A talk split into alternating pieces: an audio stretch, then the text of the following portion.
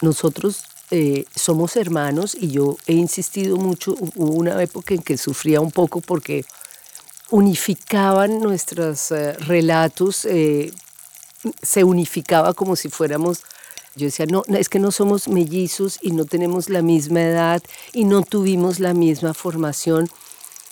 Y, ha sido importante también diferenciarnos como, como, como sujetos, porque las tendencias muchas veces en, en entrevistas o el periodismo o el mundo que observa que es testigo, pues empareja un poco por lo masculino, por el, por el hombre, por el académico, y, somos, tenemos personalidades artísticas muy diferentes. Pero como veis, la personalidad de Heidi no es ninguna personalidad. Eh, no, yo no estoy diciendo para nada sumisa ni al contrario. Sorda, pero no sumisa. pero no, pero sí luché durante, en un contexto latinoamericano, eh, yo, nosotros trabajamos en Colombia, inminentemente nuestra creación, hubo una época en que sufrí mucho porque me sentía emparejada por la energía del, dominante que era la de la academia o la de masculina o la de... Eh, ¿no? Mm. y, hemos trabajado también mucho esa, esa, esa dificultad y esa diferencia. O sea, nosotros casi que hemos insistido mucho en, en que la personalidad artística de cada uno se, se mantenga, porque esa es la riqueza de nuestro trabajo. Y es lo que ha logrado que las producciones, digamos, sean lo que son. Si no hubiese esa diferencia y esa sensibilidad tan singular de cada una, pues no hubiera sido tan rico, no sería tan rico y el espesor de la creación viene definitivamente de una suma de capas singulares. Esa ha sido, digamos, una, una relación siempre de suma de, capas sensibles y críticas, porque también pues cada uno em,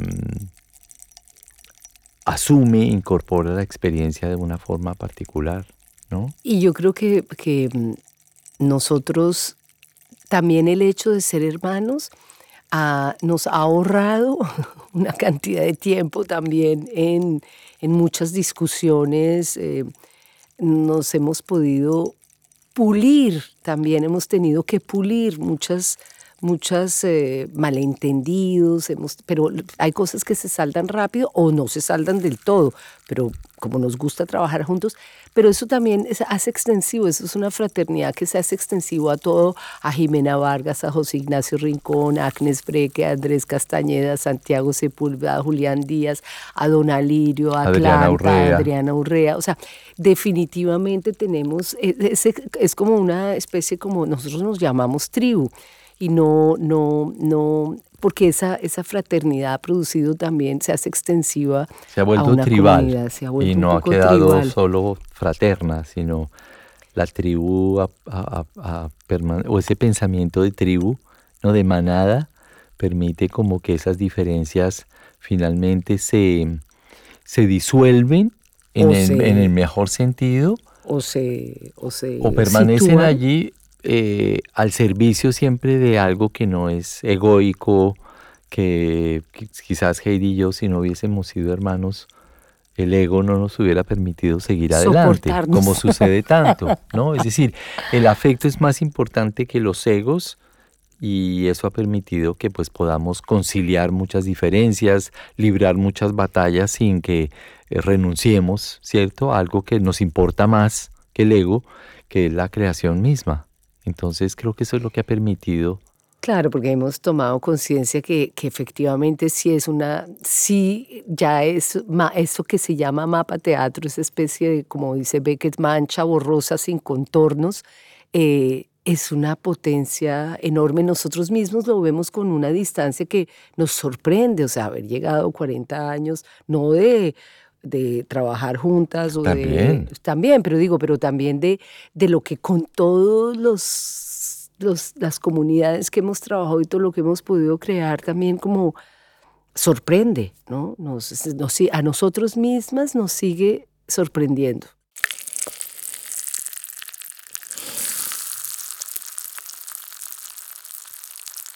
Mapa Teatro es un laboratorio de imaginación social impulsado en el año 1984 en París por Heidi, Elizabeth y Rolf Abderhalden, que se traslada en 1986 a la ciudad de Bogotá desde donde hoy opera.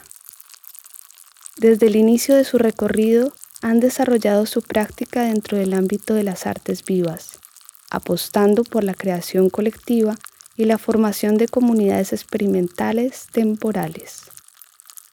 Como buenos antropófagos, trabajan en la reconversión de materiales para crear nuevos universos que se dejan atravesar por testimonios y ficción, por poética y por política.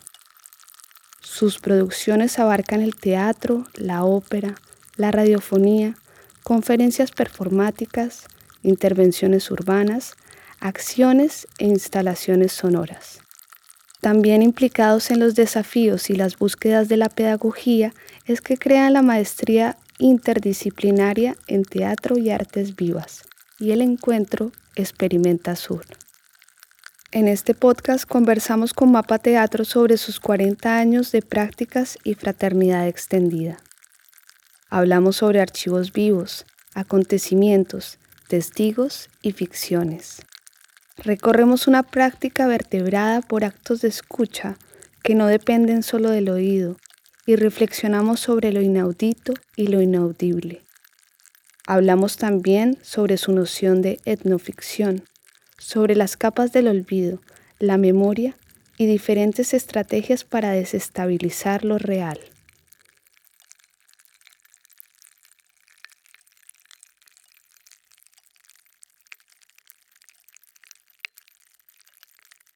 La escucha ha sido para nosotros eh, fundamental desde el inicio, empezando por el hecho de que somos dos personas quienes estamos en el origen de Mapa Teatro, Heidi y yo, y obligatoriamente es una condición del diálogo eh, para la creación que haya una escucha.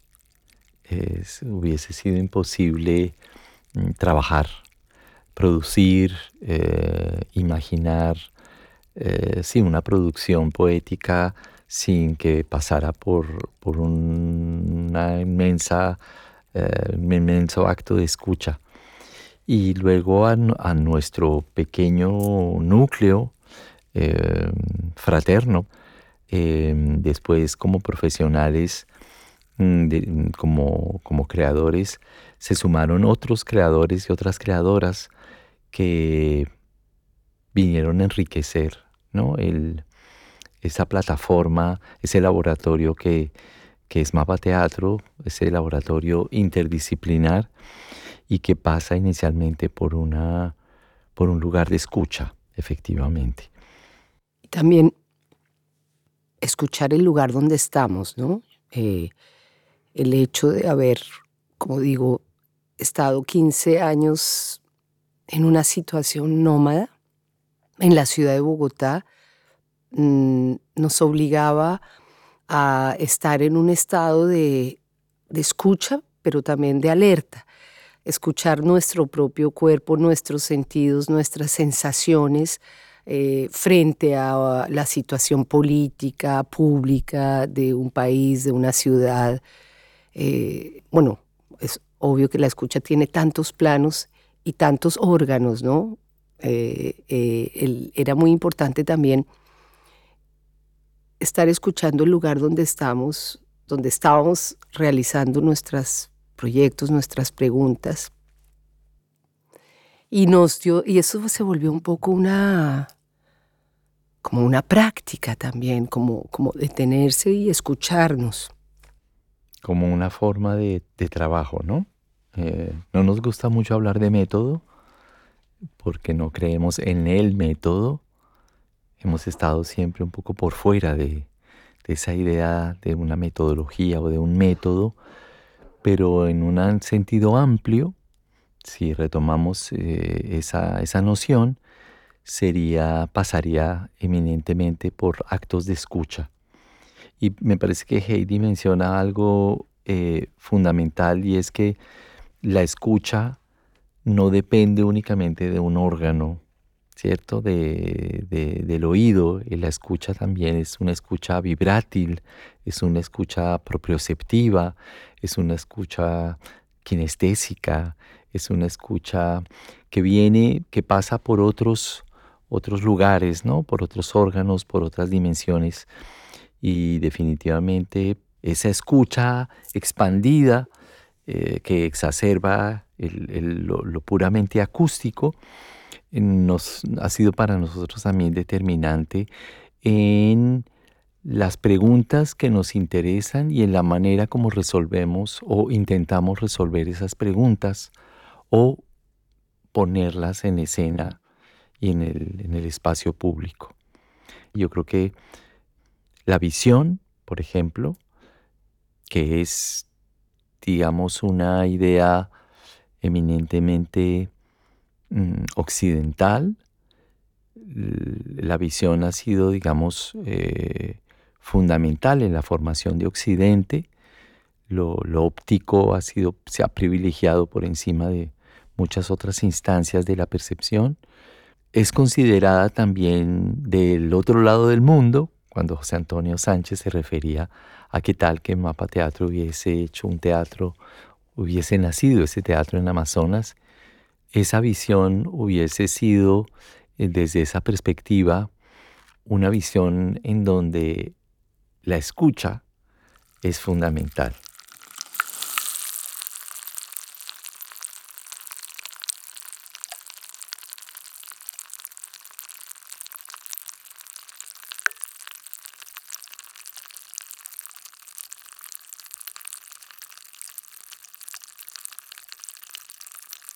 Quizás cuando hablaba de la escucha de esos otros que habían empezado a, a ser parte de esta comunidad de hermanos que inicia Mapa Teatro, también estaba pensando en todas estas figuras, no solamente artistas, sino los no artistas con quien hemos trabajado, que son muchos a lo largo de todos estos años, distintas personas de comunidades muy heterotópicas, muy... Em, alejadas del universo de las artes y de nuestros propios universos sociales e incluso mentales. Pienso en nuestra primera experiencia radicalmente por fuera del ámbito del arte, que fue un trabajo que hicimos en una cárcel, en la Penitenciaría Central de Colombia, La Picota, que era la cárcel, es la cárcel de máxima seguridad de Colombia, y que es pues una cárcel con todas las problemáticas, complejidades de una institución de este tipo en un país como Colombia. Y en los años 90, cuando iniciamos esta experiencia allí, estas cárceles estaban pobladas de jóvenes em, llamados sicarios, esa figura que parecía haber eh, marcado un poco la historia de Colombia, de jóvenes, adolescentes, muchos aún, que eran pagados por, em, por matar a alguien. Y esta figura que instauró el narcotráfico en nuestro país fue pues una figura muy, muy eh, presente en el trabajo que hicimos con Heidi en esos años, en esta cárcel, a partir de un material que habíamos llegado y que queríamos interrogar que era un texto, un corto texto del escritor alemán Heiner Müller, uno de los dramaturgos que más había influenciado en nuestro, nuestro trabajo y que planteaba eh, en una obra llamada Horacio la pregunta sobre el héroe y el asesino, esas dos figuras en un mismo cuerpo, cómo se podía hacer en distintas situaciones de la historia, a la vez un héroe y al mismo tiempo ser un asesino. Y estas figuras del, sicario principalmente parecían encarnar justamente esa doble, esa paradoja en un solo ser, ¿no? Mm, estos jóvenes habían llevado, habían ayudado a sus familias con, con los dineros que traían del narcotráfico, habían logrado como darle recursos económicos, sociales a sus familias al matar a alguien, ¿no? Entonces representaban eh, esa, esa, doble pertenencia ¿no? a dos figuras antagónicas.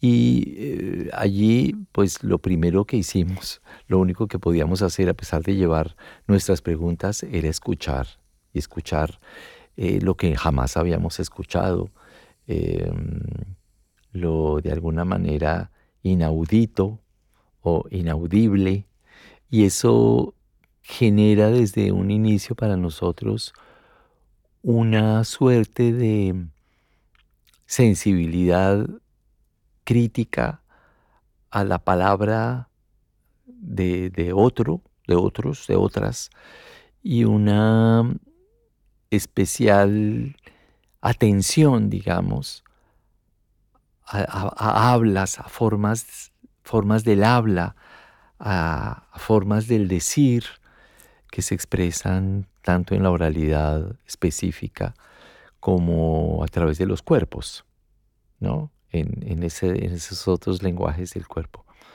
Esa doble escucha de lo que se dice y de lo que no se dice ha sido para nosotros siempre fundamental en la, en la configuración de los trabajos que hemos hecho.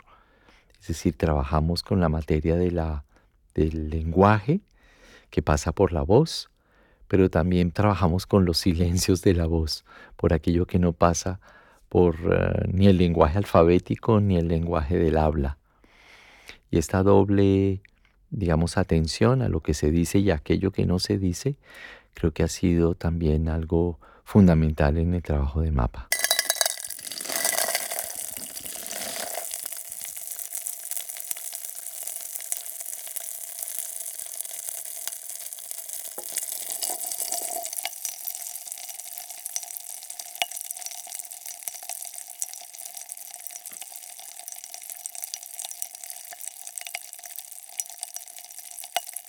Nosotros terminamos trabajando casi en uno de nuestros ciclos más recientes, un ciclo que duró casi 10 años, la tensión entre la fiesta y la violencia.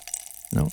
Todo nuestro proyecto llamado Anatomía de la Violencia en Colombia, que nace en el 2008 y termina más o menos en el 2017, eh, pasa por una pregunta sobre esa tensión, esa fricción que hay entre las formas de celebración tan vitales en nuestro país y al mismo tiempo ese paso en ese umbral eh, de la fiesta, de la vida, a una forma de violencia ejercida sobre el cuerpo, una violencia repentina, súbita y que pues ha conducido a tantos escenarios de muerte.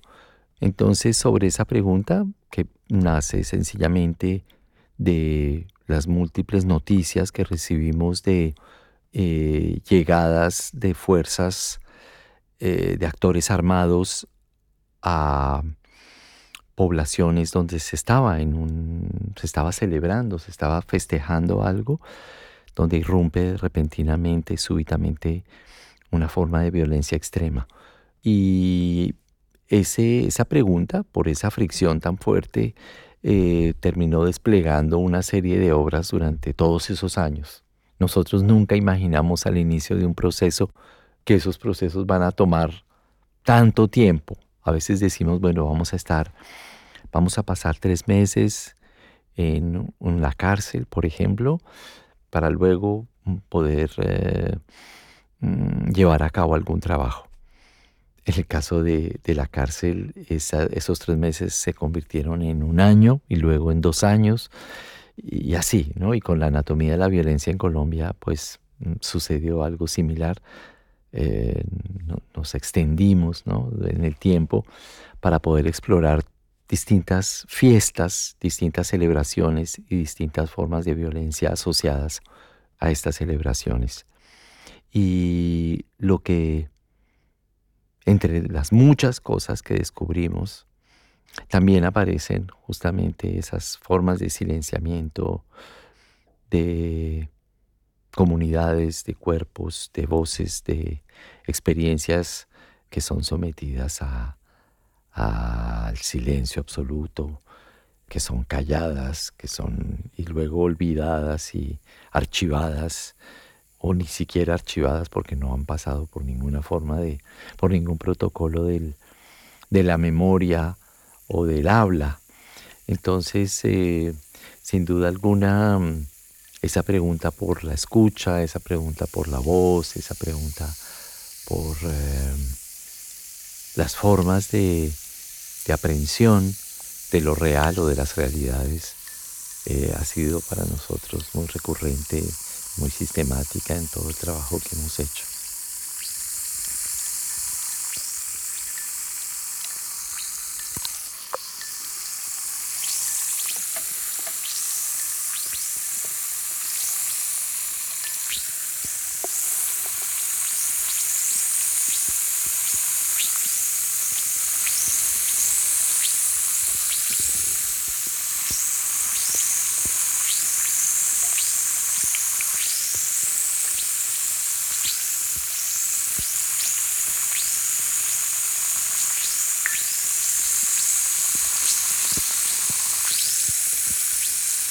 Hace unos años una ONG que se llama la Ruta Pacífica de las Mujeres, que trabajan desde hace muchísimos años con mujeres de todos los territorios y que hicieron, antes de que se llevara a cabo la Comisión de la Verdad, hicieron como un ejercicio de, preámbulo a la Comisión de la Verdad y entrevistaron eh, mil mujeres de todos los territorios eh, que habían sido víctimas de la violencia durante la guerra en Colombia y eh, grabaron estas entrevistas y mm, nos llaman para entregarnos los archivos y para que pensemos eh, qué hacer con esos archivos.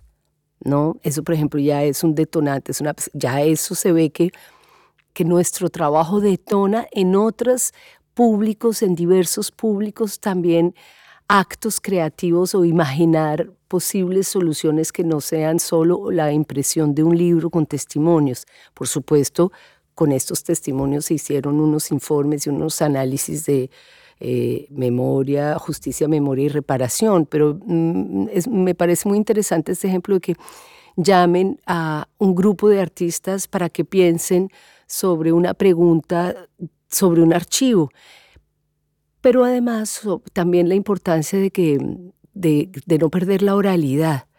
O sea, es un testimonio que pasa, son mil mujeres que están contando su experiencia de violencia, están respondiendo a unas preguntas sobre cómo les fueron las violencias, la violencia sexual, tipo de violencias, y de acuerdo al territorio, pues también los cuerpos y las situaciones cambiaban o a las formas de agresión que padecieron estos territorios. Es muy interesante eh, y es el tipo de experiencias que nos han permitido también enriquecer esa, esas preguntas sobre el archivo, sobre la voz, sobre los testimonios, ¿no? Y por supuesto la, la situación era primero es nosotros escuchar en un enorme silencio estos testimonios para que los testimonios mismos dijeran qué se podía hacer con ellos. Indudablemente, pues hicimos eh, rápidamente, llegamos a la conclusión que había que hacer como una especie de de eso fue hace 10, 12 años, como, unos, como si fuese una radio, como unas piezas no radiofónicas, pero unas piezas sonoras.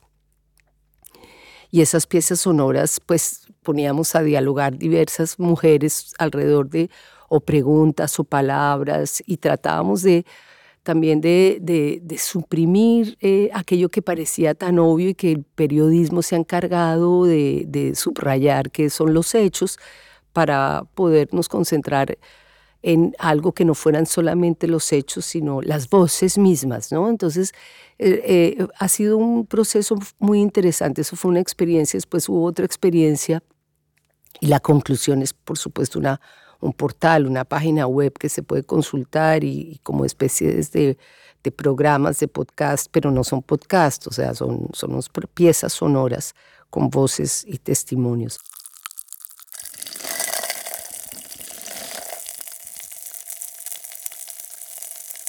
Lo mismo sucedió muchos años después a raíz de esta experiencia. Nos llaman de, la Comisión de la Verdad en Colombia para entregarnos unos archivos de unos encuentros que se habían llevado a cabo, que habían sido grabados eh, los diálogos entre, entre fuerzas victimarias de la guerra, también mirar los archivos, estudiarlos, escucharlos y imaginar un destino, ¿no? Y nos parece muy interesante como seguir con, como que sean piezas sonoras, ¿no? donde la voz, los cuerpos, el lenguaje se, se intensifica y no, no necesariamente los hechos. ¿no? Entonces han, sido muchas experiencias que nos han que hemos tenido a lo largo de los de, de muchos de muchos niveles, ¿no? Ahí, por ejemplo, el destino era la escucha también del público, son páginas, una página web o, piezas sonoras, hay otras obras que requieren de una asistencia del público diferentes.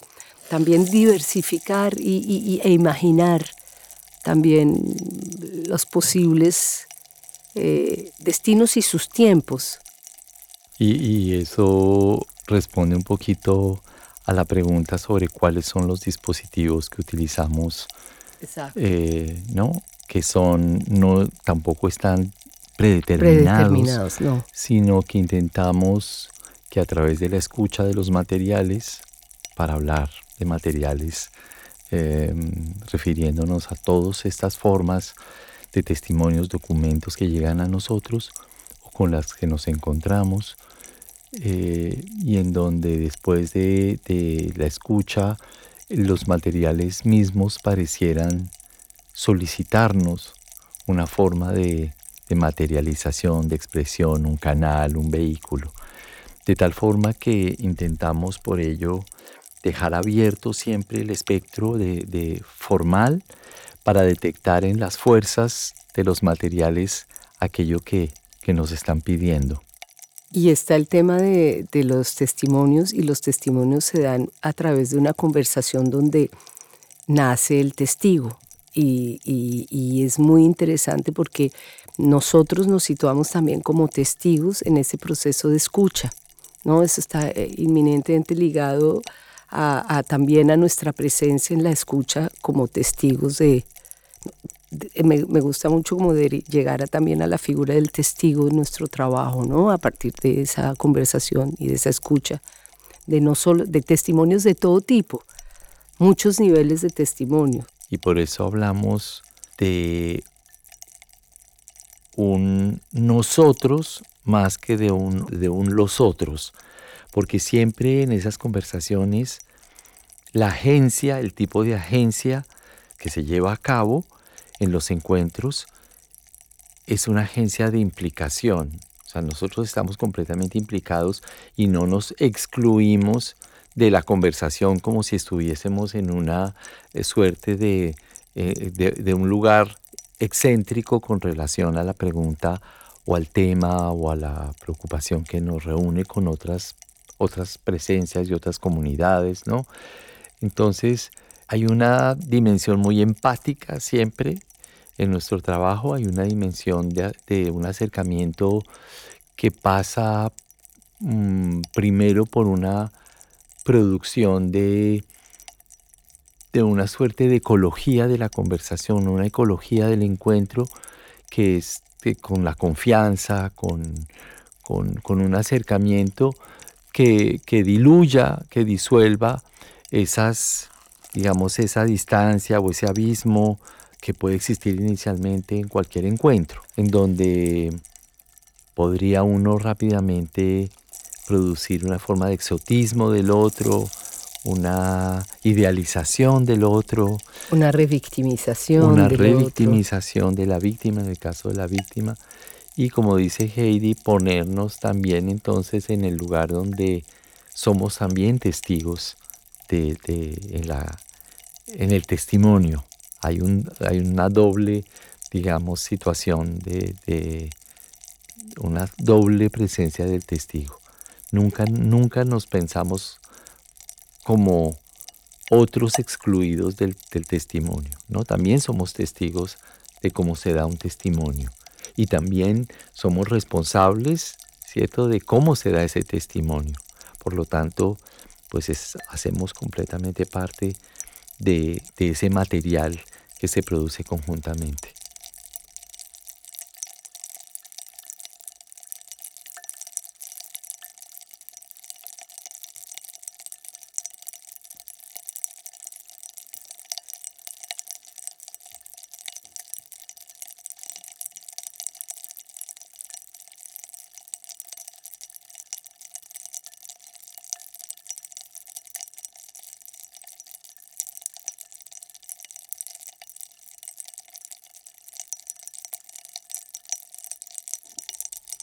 Gran parte de nuestro trabajo ha incluido una gran comunidad que no pertenece al mundo del arte y o que incluso cuando trabajo como, con, artistas, como, como lo hacemos regularmente, también esos artistas son llevados a, a distanciarse y a salirse del ámbito de, del marco del, del, arte, de la producción artística, para entrar en territorios donde no se sabe muy bien qué hace un artista allí o qué puede hacer un artista.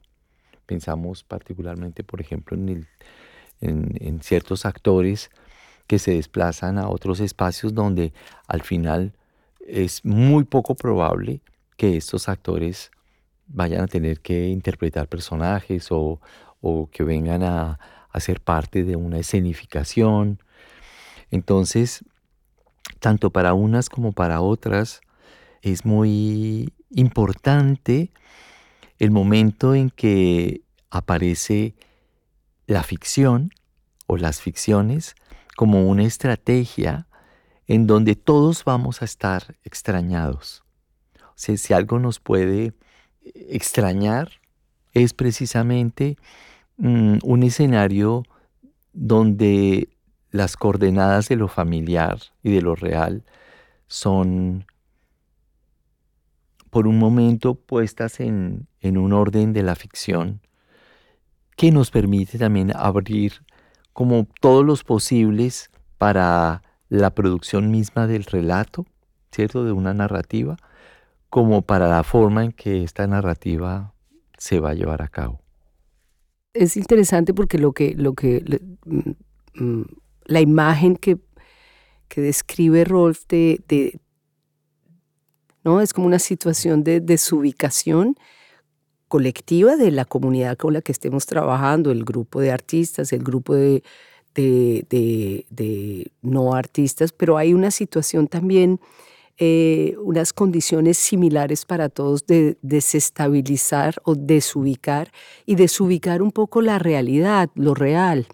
No es nosotros, sino nuestra relación con lo real o la realidad, pero en ese caso es como pasar de el testimonio se vuelve un acontecimiento real dentro del cual empezamos a desubicarnos, ¿no? Y, lo desubicamos con unas estrategias eh, poéticas, con, con, herramientas que son propias del, del arte, no, no, necesariamente sabemos qué forma, si es escritura, si es pieza sonora, si es fotografía, si es video, pero esa primera condición, ese primer impulso del cual Rolf describe del grupo que está trabajando es esa desestabilización de, la, de lo real o de la realidad en ida y vuelta, ¿no? Y desestabilizar lo real. Y eso pareciera, después de distintas operaciones y del tiempo que nos tome desarrollar lo que estemos haciendo, pareciera devolvernos a esa pregunta inicial de una forma mm, completamente distinta a la que habíamos imaginado inicialmente y aporta, digamos, como una, una nueva dimensión que nos permite entonces como estar allí ante una, una pregunta que ha perdido toda la familiaridad y todos los estereotipos y todos los impulsos que originalmente nos pusieron en contacto a todos con esa pregunta. Y por ejemplo, em, e, el ejemplo específico de una obra que se llama El discurso de un hombre decente, la estrategia de desestabilizar, de desubicar, de deslocalizar se hace a través del juego, por supuesto, ¿no? Cuando empezamos el trabajo de ficción y lo que eh, para llegar hasta la etnoficción, pues son procesos de juego de crear capas y más capas y restar o, suprimir o agregar, ¿no? o sustituir o dejar silencios o ausencias.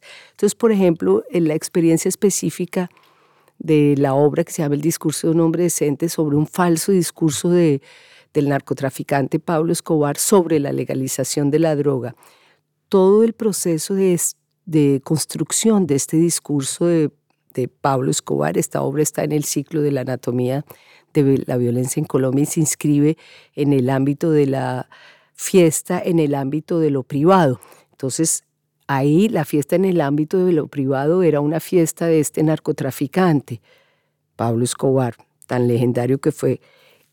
Esa fiesta tenía un testigo, que era el músico de la banda Marco Fidel Suárez, que acompañaba a Pablo Escobar en los discursos de plazas públicas cuando él tuvo toda su, vida pública y que llegó a estar en el Congreso o inauguraba canchas o hacía actos públicos, lo acompañaba generalmente una banda, eh, la banda Marco Fidel Suárez. Ahí empezamos nosotros con ese hecho real a construir, a desestabilizar, a desenfocar, pero al mismo tiempo a ubicar al testigo, en este caso el músico. Eh, y los discursos. Eh, recogimos en un estudio de archivos todas las los discursos, las entrevistas, toda la, la, vida pública de Pablo Escobar que todo el mundo conocía, que se publicaba, y con eso eh, llamamos a un logógrafo, un experto en discursos, para que con las palabras reales de Pablo Escobar construyera un falso discurso de posesión presidencial. ¿Por qué de posesión presidencial? Porque alguna vez lo dijo que él iba a llegar a ser presidente de la República. Nosotros tomamos este real y jugamos a que estaba escribiendo un discurso de posesión presidencial. Lo, intensificamos un poco más y ese discurso lo estaba escribiendo a lo largo de muchos años y cuando se le ocurría una frase, esto es la ficción, se lo lo real es que se la echaba en el bolsillo de la camisa un pedacito de papel. Y encontrados después de asesinado Pablo Escobar, los pedacitos de papel, se reconstruyó un discurso de posesión presidencial finalizado en un estado de delirio de malaria, una crisis de malaria que tuvo cuando ya estaba huyendo de la justicia. Y ese discurso de posesión presidencial lo que propone es la legalización de la droga y que iba a ser un referendo para la legalización de la droga y declaraba que eh, la guerra de las drogas siempre pues había sido un acto fallido del, de los estados y de los actores del conflicto. Entonces ahí es como que ya uno no sabe qué es real, se desenfoca completamente lo real, pero se produce una nueva realidad, una nueva situación que es una etnoficción. O sea, eh, eh, es absolutamente lógico, coherente eh, todo ese discurso y, y, también posible que alguna vez se legalice la droga. La paradoja que se ha propuesto por Pablo Escobar la produjo él mismo. Y lo que es interesante en esta experiencia de la cual habla Heidi es que cuando llevamos esta obra a otros escenarios, nos encontramos con personas que aseguraban haber estado en contacto con ese discurso. Nos encontramos con un funcionario en Buenos Aires de la Embajada de Colombia que había venido a ver la obra escénica donde presentábamos el discurso de un hombre decente y que al final de la obra nos saluda y nos confiesa como un acto de, generosidad eh, y de respeto al trabajo que habíamos hecho, que él había tenido la oportunidad de tener ese discurso en su mano y de verlo y que efectivamente era un discurso absolutamente alucinante, con lo cual esa ficción parecía más real que lo real eh, que se estaba narrando. Entonces son las paradojas que, ponen en circulación también esas, esas relaciones que tenemos nosotros primero con el mundo mediático, con, la forma, con las formas como los medios de comunicación juegan, a su vez, manipulan eh, y producen ficciones de realidad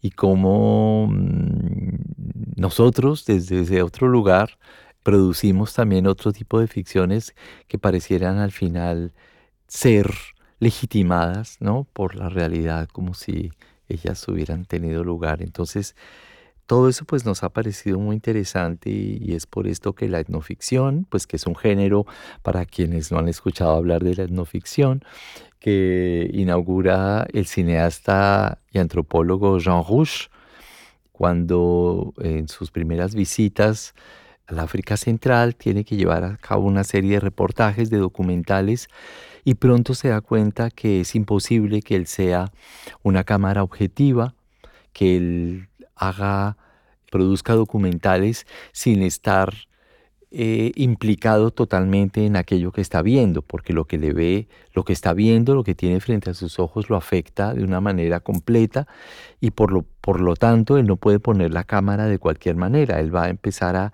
encuadrar y a registrar eh, aquello que tiene, que lo ha atravesado, que ha atravesado su cuerpo con mayor intensidad. Eh, de tal forma que al final hablar de una antropología objetiva en el estudio, por ejemplo, de ciertos rituales en África, parecía en ese momento derrumbar completamente esas categorías de la objetivación que tanto, tantos años proclamaban las ciencias sociales y la antropología en particular.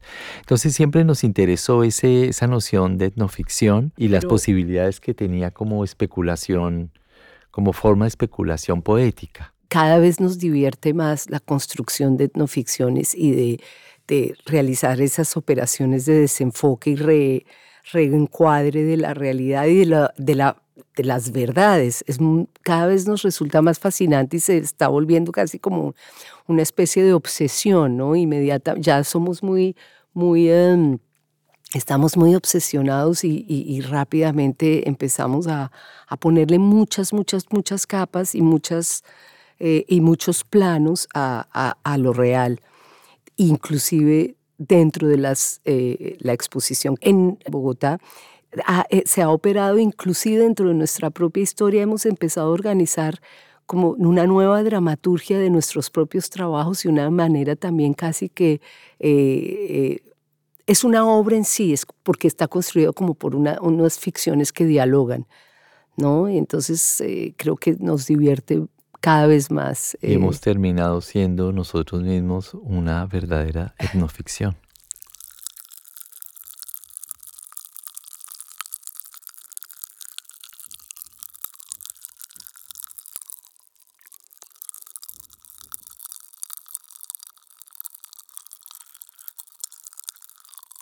Hay preguntas que se exacerban de acuerdo al, momento por el que estemos atravesando o al proyecto que estemos eh, imaginando o, o, se esté llevando a cabo. Entonces no es, no, es, no es una pregunta que nos acompaña permanentemente. Creo que el tema del archivo se exacerbó justamente por el marco de la exposición que se está llevando a cabo en el Museo del Banco de la República en Bogotá, Mapa Teatro, Laboratorio de la Imaginación Social, 40 años de, trabajo exacerbó justamente esa pregunta sobre el archivo.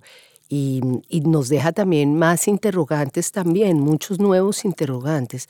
Al inicio de nuestro trabajo nosotros venimos de una disciplina, veníamos de una disciplina que es el teatro y, y su acontecimiento efímero, tampoco, tampoco aparte de grabar o, o, registrarla como una memoria o para un, un recuerdo, un programa de mano, un catálogo, una, pues eh, es, el archivo queda en el cuerpo. Nos dimos cuenta eh, a medida que pasaban los años que, que esa no era una pregunta que había que hacerle necesariamente a una obra en sí, sino a unos procesos que el cuerpo ha atravesado. Y justamente para la, para la exposición eh, fue esa como la, la, pregunta neurálgica sobre, bueno, no, no vamos a, a, dar cuenta de una manera historicista sobre los acontecimientos o las obras o, lineal sobre lo que habíamos hecho, sino que nuestro archivo era el cuerpo mismo y, y, y, lo, y cosas que tampoco existían ya. E, existe un registro fotográfico, un registro video, un registro, pero, pero la obra en sí había que reactivarla, reconfigurarla en este tiempo y espacio de la exposición. Entonces fue muy, muy, muy interesante como, como acudir realmente al, cuerpo como un lugar de, de archivo y un archivo vivo y renunciar a una cantidad de materiales que, si bien fueron importantes en el pasado, en este momento no podía ser transmisible de manera que nos interesara. El documento resulta en esta lógica solo un soporte mas no contiene eh, la totalidad, digamos, de la experiencia. El archivo, el documento, es una forma de memoria parcial que solo, como lo, lo acaba de decir Heidi, se potencia, se completa en la experiencia de la reactivación o de la activación que se hace a través de los cuerpos y que se manifiesta de distintas maneras en mm, las acciones, los, los actos, eh, las formas que elijamos al final para la exhibición. Con la práctica de todos estos años, nuestra máxima preocupación ha siempre sido el tiempo y el acontecimiento, no el objeto ni el espacio material. Entonces, esta última gran experiencia de la que venimos en este instante, que es la exposición mm, que no es retrospectiva, pero que sí antológica de 40 años de trabajo de mapa, pues ha servido para que volvamos a repensar y confrontar con el museo eh, las, estas preguntas sobre cómo se, cómo se exhiben, cómo se exponen, cómo se conservan, cómo se archivan y cómo se, se relacionan con los públicos los acontecimientos. ¿no? Entonces de verdad que es, una, es un buen momento para nosotros repensar y, confrontar y compartir estas preguntas sobre, sobre esa fricción que existe permanentemente entre la teatralidad, lo museal, eh, un, público que viene a una experiencia de duración, a otro público que, que está en un tránsito, o que está en una permanencia. Es decir, todo este movimiento es interesante.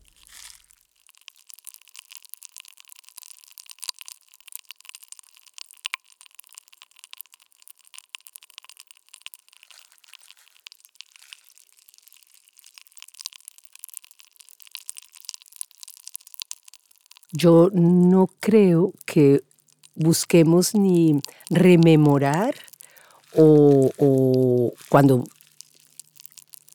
damos cuenta de una, de una obra y, estamos, y el cuerpo está activando, el cuerpo es el archivo de esa obra, no se trata ni de rememorar, sino justamente de eso, de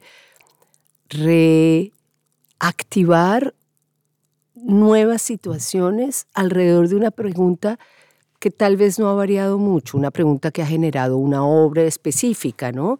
Y lo que vamos a presentar es el archivo de esa obra. Es crearle al cuerpo como unas condiciones, unas, unas condiciones óptimas para que haya como un acto de reposesión o de, ¿no? de reposición, reposesión, también como de desposeer el pasado y actualizarlo en el presente, en un presente que el cuerpo, por supuesto, no, no trata de reproducir la agilidad o la voz, no quiere reproducir el pasado, sino activar un presente y una nueva sensación sobre, sobre la obra que ya no existe. O sea, lo efímero es algo muy, muy interesante que el teatro nos ha enseñado a, pensar, a, a visitar y a vivir lo efímero, la ausencia, el, espectro, el fantasma, ¿no? Eso es, una, es algo que, que el origen del teatro, nuestra relación con el teatro, cada vez se intensificaba más, o sea, las obras fueron completamente efímeras. Y sin embargo, ese teatro del que Heidi habla nunca ha sido eh, exactamente lo que se entiende hoy se ha entendido por teatro. También nosotros rápidamente nos desplazamos de esa categoría a una forma que llamamos artes vivas, por la cual siempre estuvimos, digamos, luchando, batallando justamente en nuestra discrepancia por esa rigidez que podía tener el formato teatral y por nuestro interés también en otras formas de, aparición o de presentación de los acontecimientos.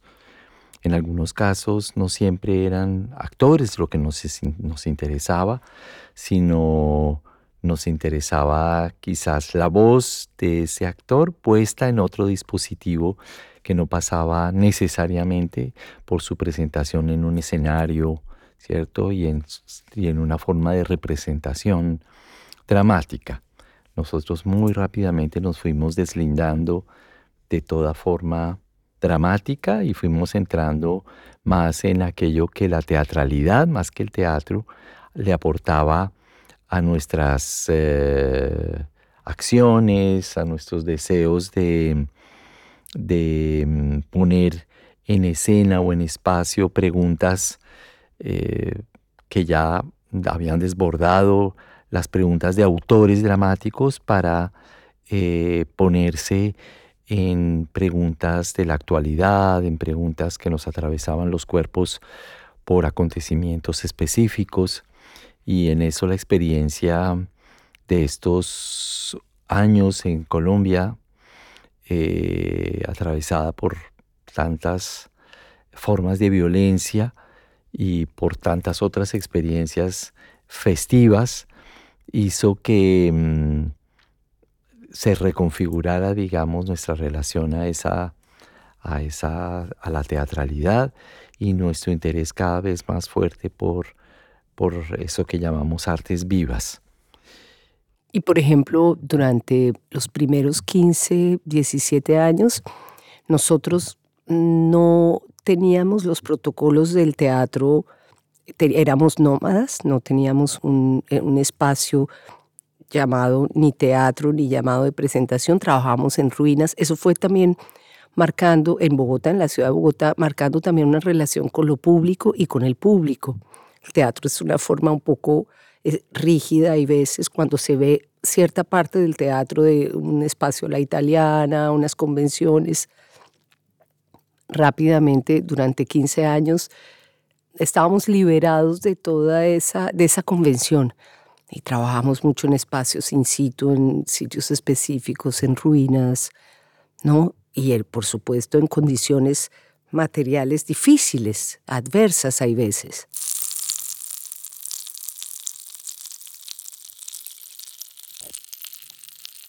esos primeros 15 años de los cuales hago mucho énfasis, es como si hubiese, ahí también se hubiese prefigurado, presentido y preparado todo lo que iba a seguir siendo nuestros años de, creación y nuestra permanencia en Bogotá y las decisiones que tomábamos de hacer este proyecto y no hacer otro tipo de proyectos, ¿no?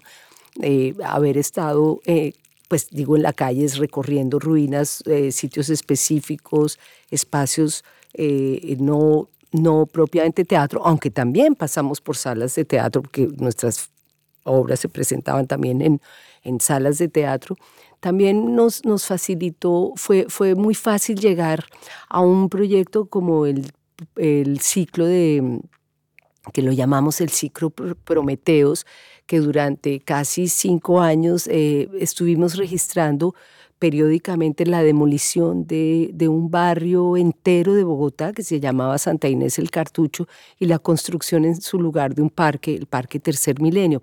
Eh, llegamos a, procesos fácilmente, rápidamente, casi que de una manera muy orgánica. O sea, porque ya estábamos eh, instaurando, ya se había instaurado en nuestro cuerpo eh, la calle, lo público, una, manera, eh, de hacer. Entonces, eh, esos, esas se prefiguraban, se presentían, se creaban, todas las, las potencias empezaron como a, a, gestarse en, en, esa experiencia que como muy formativa y muy, muy, em, y muy diversa, ¿no? Íbamos, eh, fuimos a, a, una cárcel, estuvimos en, en, en, sótanos, en ruinas. Eh. Sí, la, la, la, ciudad ha sido también importante como espacio de creación, ¿no? La ciudad y todas las dinámicas urbanas han sido para nosotros también un eje de reflexión, una, una relación con con la ciudad misma, con, con poblaciones eh, ligadas a, lugares de la ciudad, con formas de itinerancia. Y por ejemplo, eh, eh, volviendo al tema de la escucha, es porque habíamos estado o hemos estado tan eh, presentes eh, en la ciudad que, cuando escuchamos noticias, por ejemplo, un proyecto, escuchamos la noticia de que en, Bogotá un millón de personas o alrededor de un millón de personas eh, tenían que desplazarse a pie desde su lugar de vivienda hasta su lugar de trabajo porque no tenían para pagar el transporte público eh, inmediata, o sea, es porque estamos en, en, la calle, porque estamos en un estado de escucha que inmediatamente, en este caso una estadística, generó inmediatamente un impulso, un acto, un acto, un proyecto de, de, creación. que se llamaba... Mm, caminantes. Caminantes eh, forzados. ¿no? Y, hicimos una, una acción pública eh, cartografías movedizas. exacto, mm. las cartografías movedizas. Hicimos una acción pública para para, para poner en resonancia con eso, exacto, para lo que era una estadística. Intensificar una estadística a través de un gesto artístico en, en la ciudad y, durante un día entero eh, reprodujimos el desplazamiento de un em, obrero o de una empleada del servicio que iba desde su casa hasta su lugar de trabajo y, reconstruimos esa itinerancia en ocho horas, mm. instalando como unos paneles, unas formas, eh, una mujer que, que, caminaba. ¿no? Unos vinilos y la gente paraba, miraba, qué hacía y hacíamos la pregunta, ¿usted sabía que un millón de habitantes no puede pagar el transporte. público?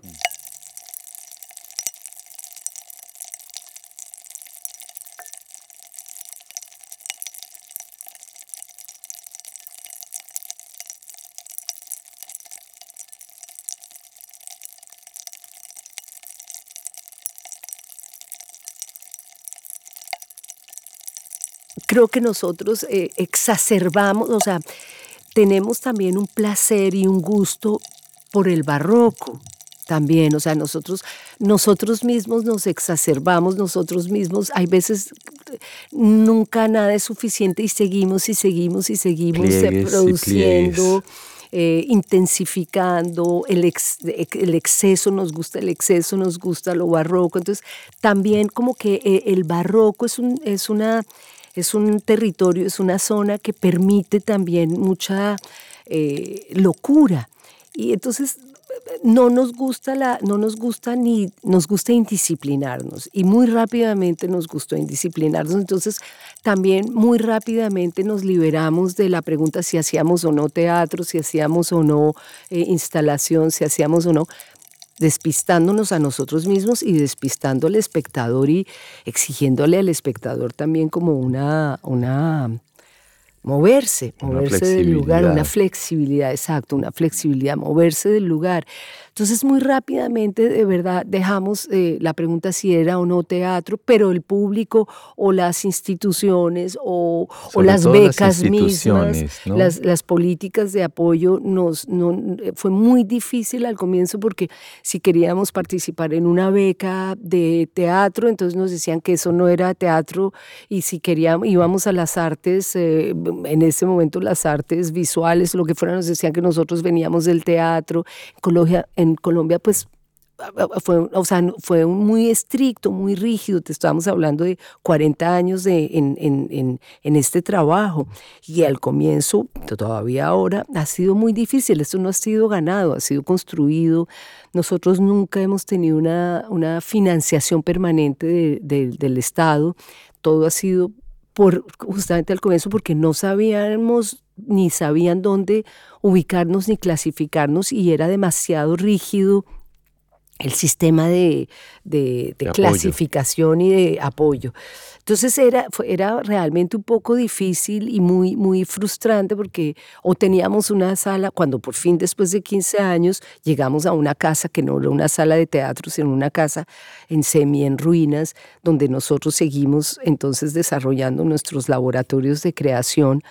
Em, pues eso tampoco podía acogerse a una política de salas concertadas que apoyan el mantenimiento y el funcionamiento, porque eso no era un teatro, era todo y no era nada. Entonces, bueno, eh, esa contingencia, muchas veces las contingencias también nos han llevado a, un poco a creer en, la, en el anarquismo, en, en, ser irreverentes, en no creer en las disciplinas, en, en resistir, en aguantar.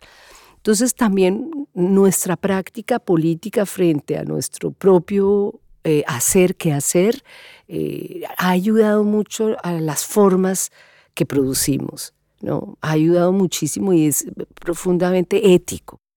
Complementaría esta reflexión de Heidi con, con unas opciones ante esta situación que consistieron en no depender económicamente de nuestro trabajo artístico y de, tomar unas decisiones que yo creo que son decisiones políticas para que tuviésemos precisamente toda esa libertad de movimiento y mm, estuvimos eh, hasta hace muy, muy poco. Eh, yo todavía soy profesor de una universidad en donde eh, desde hace 35 años estoy trabajando y en un momento Heidi también se vinculó a uno de los programas que creamos, que fue una maestría, un programa de máster en, en artes vivas, el primero que se hizo en Latinoamérica y a donde queríamos eh, mm, precisamente reunir a todos esos artistas que como nosotros, en otras generaciones más recientes, eh, nunca se hallaban en el lugar en que pensaban eh, que podían estar. Y como a todas estas personas, que resultaron ser muchas, nos dimos cuenta que muchos son los artistas que, que están entre disciplinas o que están en el borde de, en las fronteras, que, fueron acogidos allí. Y desarrollamos entonces este proyecto del cual pues que nos ha permitido también eh, una, forma de economía y nos ha liberado de esa dependencia del Estado y por eso eh, digamos esta decisión que, que es una decisión política nos ha permitido tener toda esta libertad de la cual habla Heidi. Lo que ha sido interesante también con la creación de la maestría de teatro y artes vivas es que también ha obligado al Estado a diseñar políticas de apoyo para nuevas disciplinas. Entonces ya existe, pues esto fue abrir, como nosotros decimos, abrir, abrimos trocha para las futuras generaciones. Eh, ya hay eh, apoyos con nombre eh, apoyo a creación en artes vivas o apoyo a, espacios no convencionales, porque o a proyectos cuando o a proyectos interdisciplinares, o sea, definitivamente sí esas decisiones sí han tenido una injerencia en políticas públicas eh, de cultura y es innegable que viene experiencias como la de María Teresa Incapié, la de Mapa Teatro, o sea, que ha sido una evolución muy lenta, o sea, digo, hablo de Bogotá, ¿no? Hablo de la ciudad de Bogotá, que es la capital donde nosotros, de Colombia, donde nosotros trabajamos. No somos indiferentes también a, la comunidad de estudiantes y de artistas que tienen que pues batallar mucho, mucho, mucho, mucho. Es, es, un trabajo muy a contracorriente. Sí, eso tiene definitivamente que ver como con una, una ética y una política del quehacer Em, que como dice Heidi, por, por resistencia terminó haciendo, produciendo, digamos, unas decisiones en el ámbito de las, de las políticas públicas. Y eso pues gracias a nuestra inscripción en el espacio académico, con lo cual creo que nuestra marginalidad espacial, eh, profesional en, el circuito de las artes en Bogotá se contrarrestó con nuestra inscripción en un ámbito muy específico, que es un ámbito académico de la universidad pública más importante de Colombia. Y, esa doble situación eh, permitió una serie de, interacciones, una serie de, de, encuentros, una serie de experiencias que definitivamente hoy eh, después de 40 años podemos decir que está empezando a tener sus efectos, y ya no solo en Colombia, porque hemos tenido estudiantes de toda Latinoamérica y además los programas de, eh, incluso la noción misma de artes vivas que yo llevé como una preocupación eh, a Colombia, está siendo retomada por, por muchos países en Latinoamérica. Entonces, bueno, desde una, un lugar un poco de, descentrado, ¿cierto? Y, un poco marginal de, los ámbitos artísticos, mm, de todas maneras, eh, desde ese lugar es que se ha podido producir, gracias a la inscripción en la academia, este efecto, ¿no? Esta especie de polinización, como nos gusta decir, en otros ámbitos de las prácticas artísticas y de la pedagogía artística en Colombia.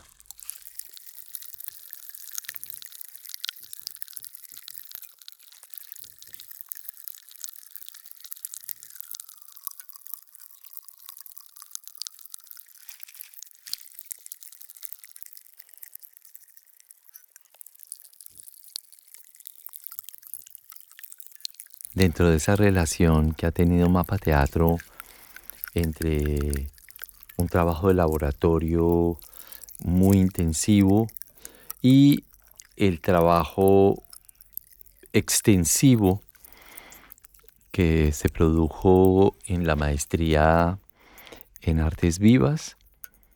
Mm, produjimos en algún momento un puente que se llamó Experimenta Sur.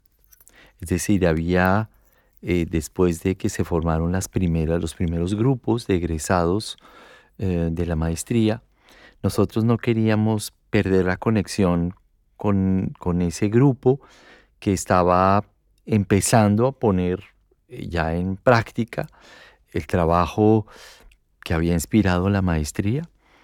Y encontramos que podía ser importante tener una plataforma que les permitiera a los egresados y a quienes estaban llegando, pero también a, nosotros como laboratorio y el mundo de afuera, una, una plataforma mm, más pública que permitiera una concentración en un tiempo específico de unas preguntas. Entonces, eh, eh, creamos Experimenta Sur, Experimenta Sur tenía una pregunta anual, digamos, o en cada edición que se hizo, una pregunta específica, una suerte de pregunta curatorial, a la cual invitábamos una serie de artistas y de pensadores que mm, alrededor de esta pregunta venían a, reflexionar, pero también a producir algunas prácticas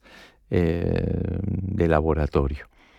Y entonces, eh, por primera vez, con la ayuda del Instituto Goethe de Bogotá y la Fundación Siemens Stiftung de Alemania, pudimos invitar de una manera muy generosa a jóvenes artistas de toda Latinoamérica para que pasaran una semana en Bogotá. Como una convivencia alrededor de esas preguntas. Y de, de compartir entre ellos y con nosotros eh, la pregunta curatorial.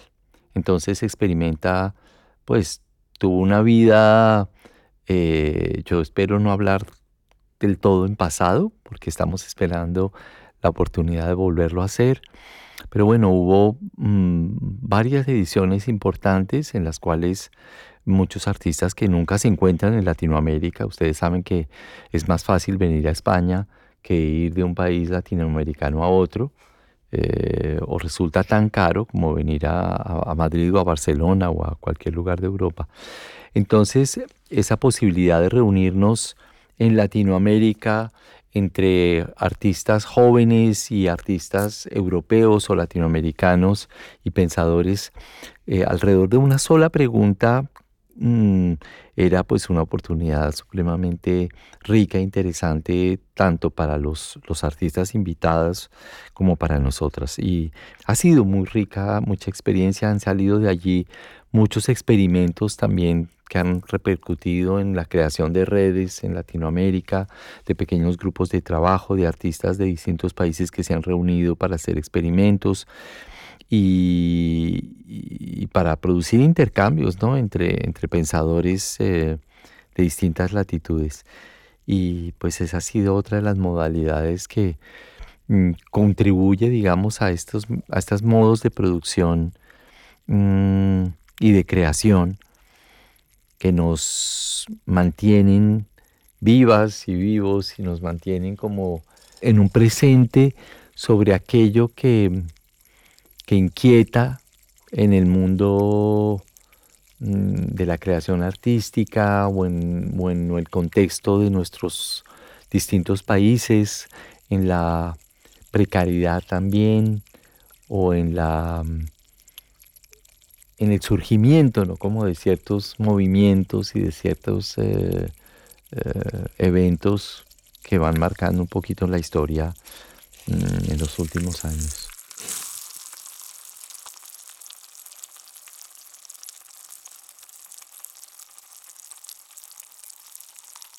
Lo que tratamos de producir son sinergias, y, redes de, afecto y de reflexión y, contradicciones. O sea, lo que, no, lo que sí definitivamente generaba Experimenta Sur era primero una intensificación de la convivencia, porque justamente la casa donde del laboratorio de artistas servía para eh, pensar, comer, bailar, eh, ver eh, gestos, o sea, había, el cuerpo pasa por todo tipo de experiencias de convivencia, ¿no?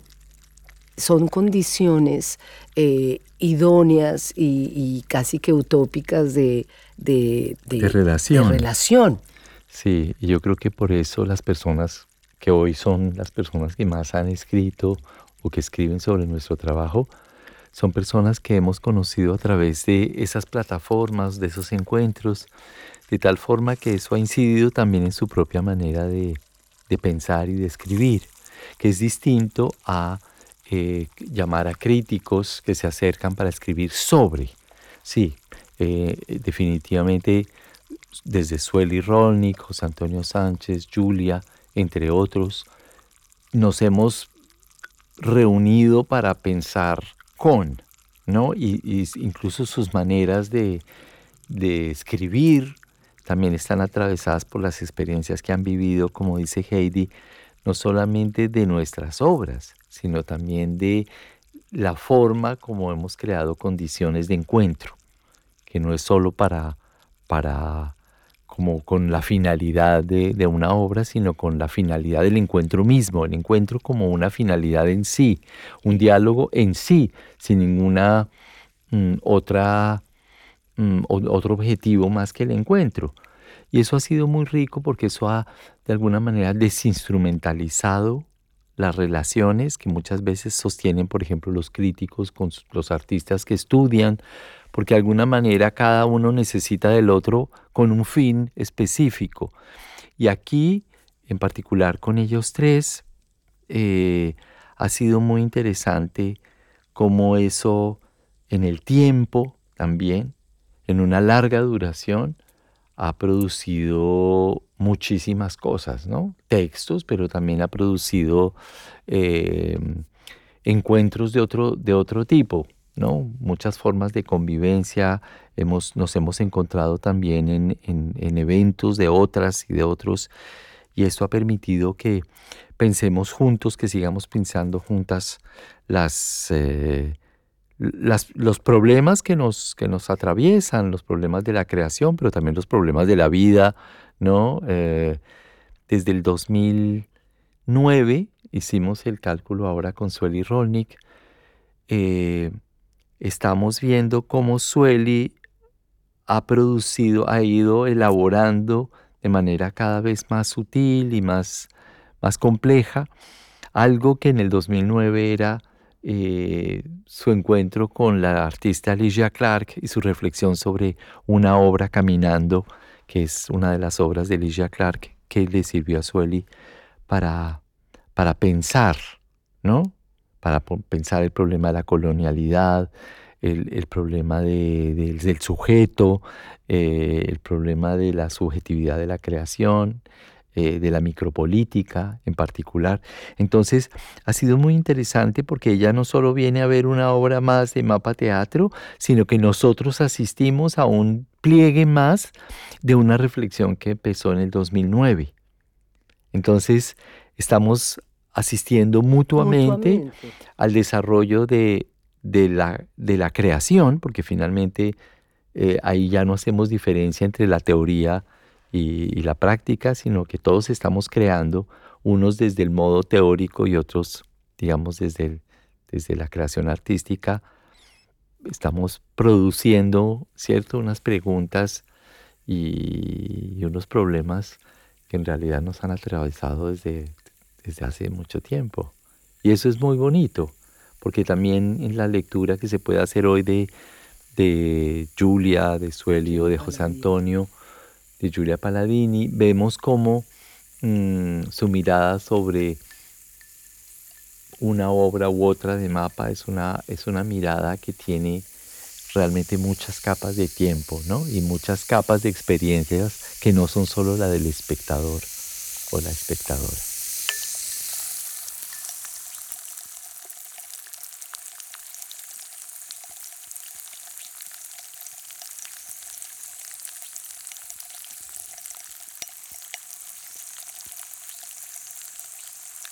Las reflexiones así desprevenidas de, de, público, de amigos distantes o de estudiantes están esperando el momento en que, bueno, ¿y cuándo vas a escribir un libro? O cuándo, o sea, como que hay como una, un recorrido hegemónico, marcado, necesario para poder eh, avanzar o, en un momento, o, o cuando vas a hacer algo eh, sola, o, o sea, una serie de comentarios que yo me digo, pero, pero a ver, eh, como si yo, mi individualidad o mi subjetividad se hubiese disuelto en, en, un trabajo de colectivo.